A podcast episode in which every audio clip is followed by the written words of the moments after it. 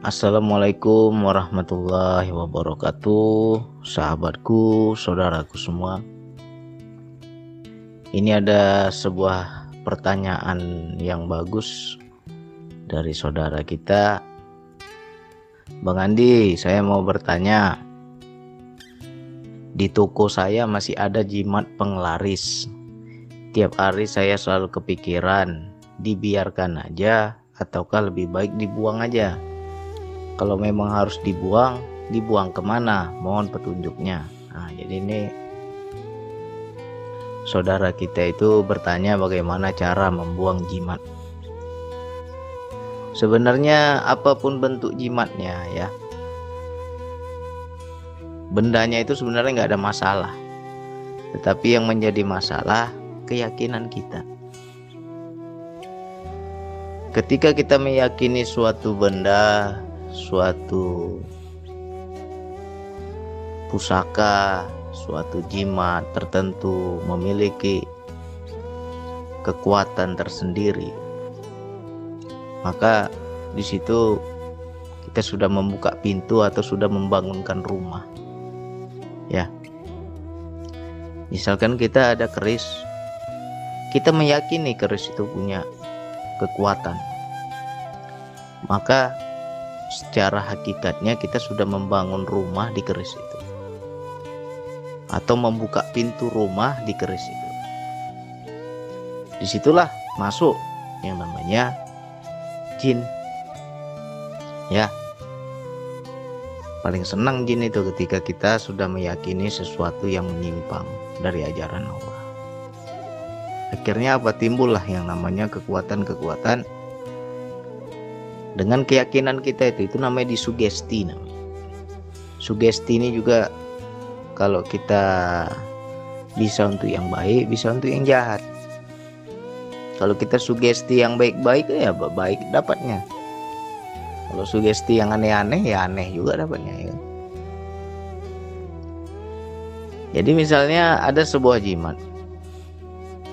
Kalau kita tidak lagi yakin maka rumahnya itu hancur ya. Maka setan atau jin di pusaka tersebut akan pergi.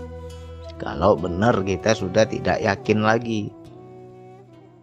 Tetapi selagi kita ada keyakinan ada rasa percaya maka dia akan ada terus di situ. Ini contoh ilustrasi. Ada kakek kita lah kakek kita yang namanya orang-orang zaman dahulu ya. Orang-orang zaman dahulu zaman-zaman sahur sepuh ya kan? Selalu memakai yang namanya jin bantuan jin. Mereka selalu mengamalkan ilmu-ilmu goib yang berkaitan dengan kekuatan jin. Maka itu diyakini memiliki suatu kekuatan lalu kakek kita meninggal ya kan? Kakek kita meninggal. Tiba-tiba meninggal kakek kita. Begitu dia meninggal tidak ada dia kasih wasiat tidak ada dia kasih pesan. Anak cucunya tahu kisah kakek kita semasa hidup. Bahwa kakek kita seorang yang sakti. Dan dia punya pusaka yang sakti maka ketika anaknya meyakini, cucunya meyakini, maka jin itu akan tetap ada di situ. Ya. Jadi makanya kita hati-hati. Kalau bisa kalau kita punya sebelum mati itu buang dulu lah. Ya.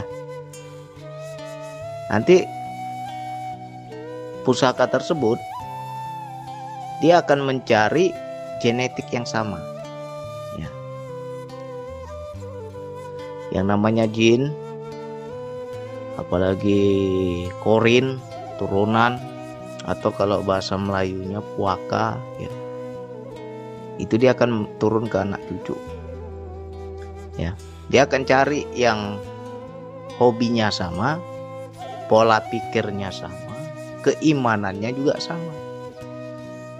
Nanti dia akan turun lagi ke anak cucu kita Jadi kalau kita pikir-pikir kasihan nanti anak cucu kita.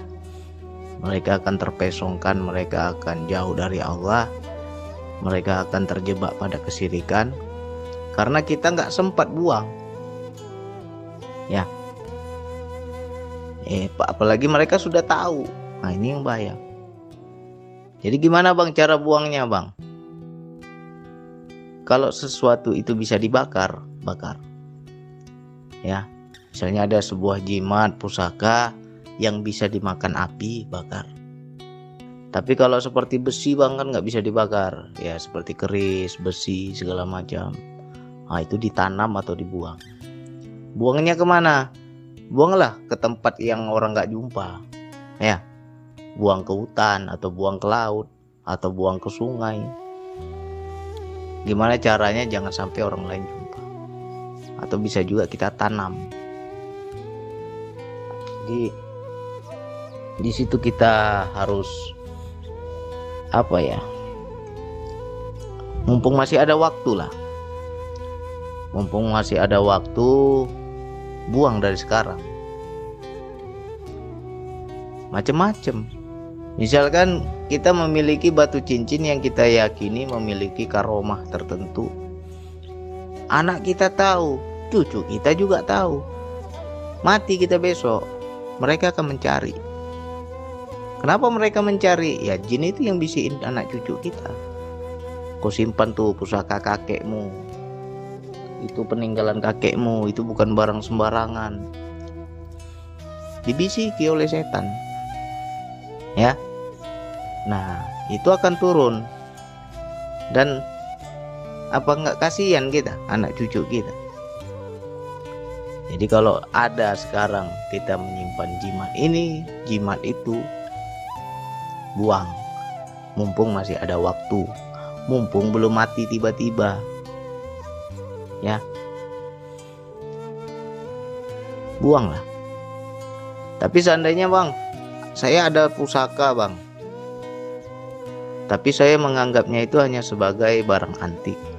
Saya tidak pernah meyakini itu se sesuatu yang memiliki kekuatan. Saya senang koleksi misalkan. Gak pernah saya yakini. Ya nggak apa-apa, simpan aja.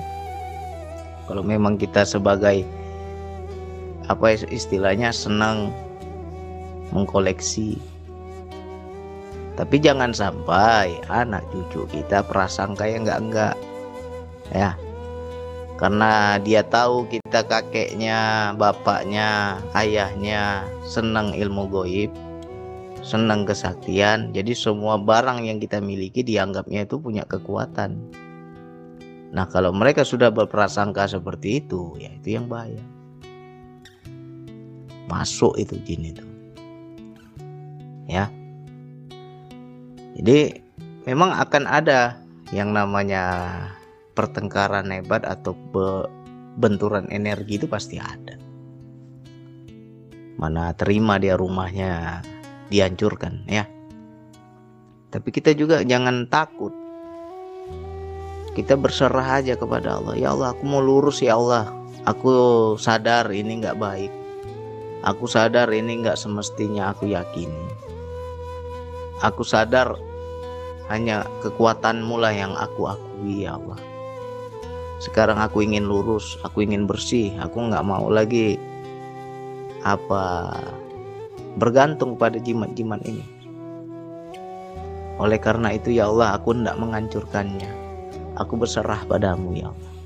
Udah bismillah bakar. Ya. Seandainya bisa dimakan api bakar. Kalau nggak bisa dimakan api ya ditanam atau dibuang Terus jangan lagi dipikir-pikirkan, ya.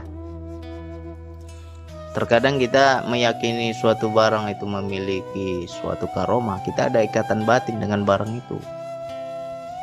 Berat, berat, berat, rasanya berat kita mau buang, berat kita mau melepaskan. Nah, itu ujiannya di situ tuh. Jadi kalau betul-betul kita lurus kepada Allah, kemelekatan diri kita terhadap barang itu harus kita lepas juga. Ya. Jangan kita merasa ah sayang ah nggak tega ah rasanya berat. Itu namanya masih melekat. Masih gandol dia nyantol dia. Tapi kalau kita aku yakin hanya kekuatan Allah yang aku akui. Aku nggak mau terpesongkan oleh benda-benda ini. Udah bismillah aja buang. Ya jadi tanya dulu sebelum kita buang tanya dulu di diri kita. Merasa nggak nyaman merasa nggak tenang merasa apa ya?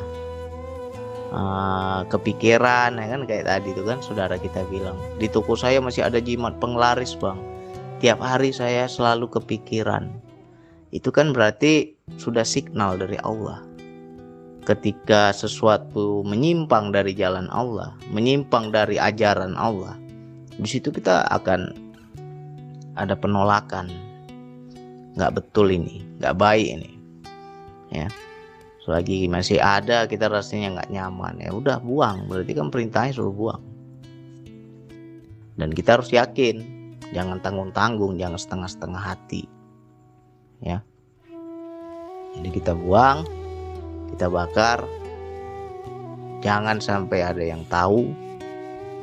Di mana bang saya buang? Buanglah di tempat yang nggak diketemui oleh orang. Ya. Dah belajar lurus lah sekarang ini udah tahun 2020 bukan zaman sahur sepuh. Kalau zaman dulu orang naik pelepah pisang terbang dia. Ya kan? Zaman sahur sepuh ya kan? Kalau sekarang orang naik pesawat udah beda zaman jadi ya nggak main lagi lah yang begitu begituan kita belajar lurus-lurus saja kepada Allah bergantung penuh kepada Allah ya. Jangan mau kita dibodohi oleh setan. Jadi untuk teman-teman sahabatku semua ayo belajar bersih belajar lurus. Kita luruslah kepada Allah jangan lagi bergantung yang begitu-begituan lah. Mumpung masih ada waktu masih ada napas buang dari sekarang. Nggak tahu kita besok tiba-tiba pagi kita dipanggil oleh Allah mati kita. Barang itu belum kita buang turun lagi ke anak cucu ya. Itu apa nggak besar dosa kita? Anak cucu kita jadi syirik. Anak cucu kita jadi terpesongkan. Karena mereka juga yakin itu yang bahaya. Ya mudah-mudahan ini bisa jadi renungan untuk kita semua. Ayo kita belajar lurus. Sekian dari saya. Wassalamualaikum warahmatullahi wabarakatuh